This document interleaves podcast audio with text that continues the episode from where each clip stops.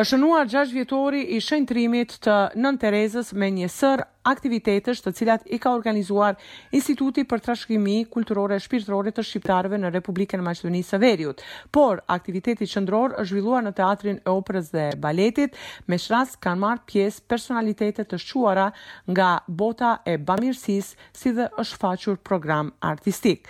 Në prononcimin e tij, zëvendëskryeministri i parë, zoti Artan Grubi, është shprehur, Ishte kënaqësi që bashkë me producentin Sokol Guga, drejtorin Shkodran Tolaj dhe trupën artistike të Ansamblit të Këngëve dhe Valleve Popullore Shqiptare në Republikën e Maqedonisë së Veriut, Klan TV dhe skenografin Bashkim Zahaj, të bashkëvepronim dhe të sillnim për herë të parë në Teatrin e Operës dhe Baletit në Shkup, spektaklin madhështor të kulturës dhe kauzës së bamirësisë kombëtare Shën Tereza, shqiptarja e gjithë botës.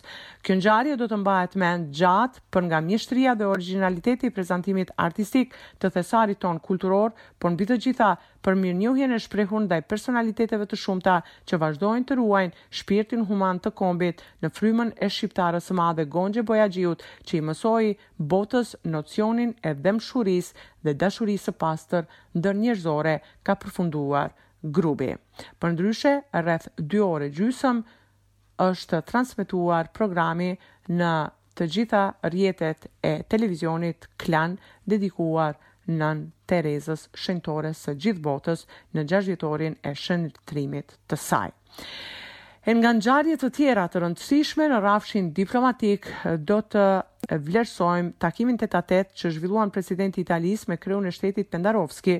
Ky i fundit ka deklaruar se kanë biseduar për gjendjen aktuale në Ballkan, krizën energjetike dhe integrimin e vendit në Bashkimin Evropian. Diskutuan për miqësinë maqedono-italiane, bashkëpunimin dypalësh, politikën e zgjerimit të Bashkimit Evropian, Aleancën në NATO dhe sfidat e sigurisë në rajon dhe Europë. Si aleatë në NATO, këmbyen mendime për luftën në Ukrainë dhe riafirmuam thirrjen për ndërprerje të këtij konflikti. Kërkova mbështetjen e Presidentit Mattarella për krizën energjetike. Kjo vizitë është konfirmim i mbështetjes së vazhdueshme të qartë dhe të parezervë italiane për integrimet evropiane të Maqedonisë, ka thënë Stevo Pendarovski. Ai ka deklaruar se pas njëzet e tre viteve një person zyrtar italian viziton Republikën tonë. Republika e Maqedonisë së Veriut, ndryshe, ka lidhur marrëdhënie diplomatike me Italinë para tridhjetë vitesh.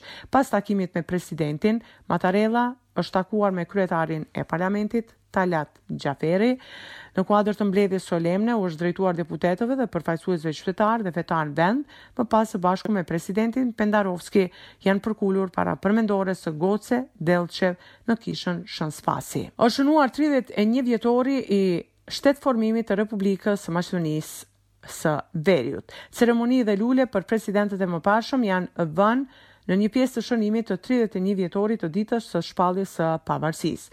Presidenti Stevo Pendarovski kësaj radhe kishte vendosur që dekoratat kryesore t'i ndajë për sportistët. Me këtë rast është shprehur kështu. Pravilno razbran i praktikuvan, sportot go brani identitetot. I kuptuar dhe i motivuar në mënyrën e drejtë, sporti e mbron identitetin, e ndërton karakterin dhe e transformon shoqërinë në mënyrë pozitive.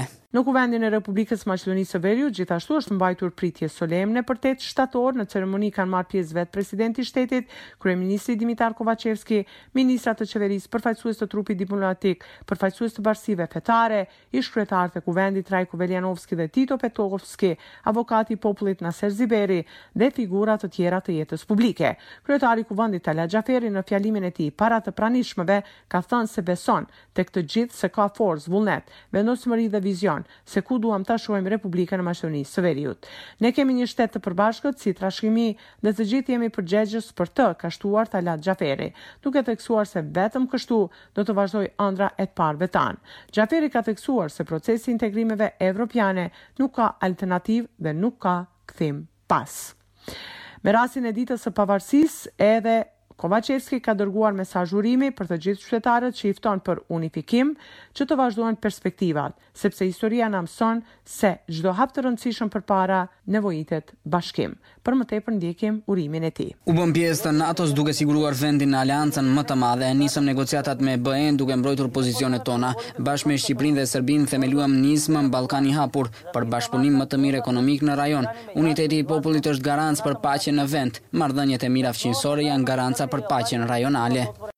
Zëvendëskryeministri i parë, Artan Grubi, ka thënë, Tani është koha të reflektojmë mbi këto të arritura dhe të qëndrojmë të bashkuar duke avancuar procesin e integrimit me hapa të duhur konform kornizës negociuese. Por, lideri i VMRO-DPMNE-së, Kristian Mickovski të mërkurën ka dorëzuar në Komisionin Shtetëror Zgjedhor iniciativë për referendum për të prishur marrëveshjen me Bullgarinë.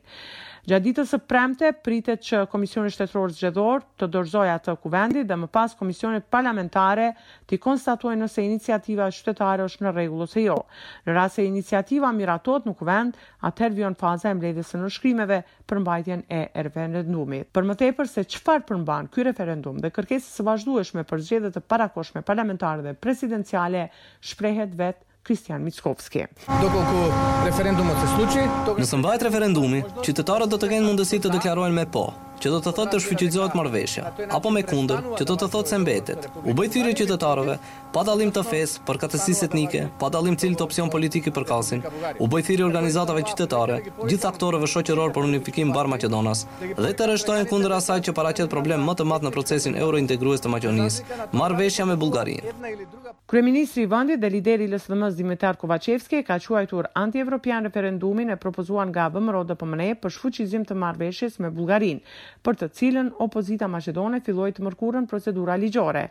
Gjatë një aktiviteti partiak, të organizuar me tetë shtator, Kovaçevski ka thënë se në këtë mënyrë VMRO po bllokon rrugën evropiane të vendit dhe tha se në vend të bashkangjiten angazhimeve për përparim, ata luftojnë që zhvillimi i vendit të ngecë. Për më tepër ndjekim deklaratën e tij.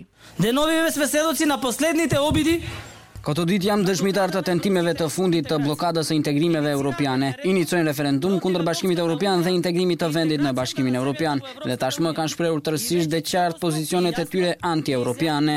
Presidenti Stevo Pendarovski është shprehur gjithashtu se është kundër referendumit dhe thotë se çdo anulim i marrëveshjes me Bullgarinë është kthim pas dhe ngecje e proceseve eurointegruese që janë jetike për vendin tonë. Për Radion SBS raporton nga Republika e Maqedonisë së Veriut, Besiana Mehmedi.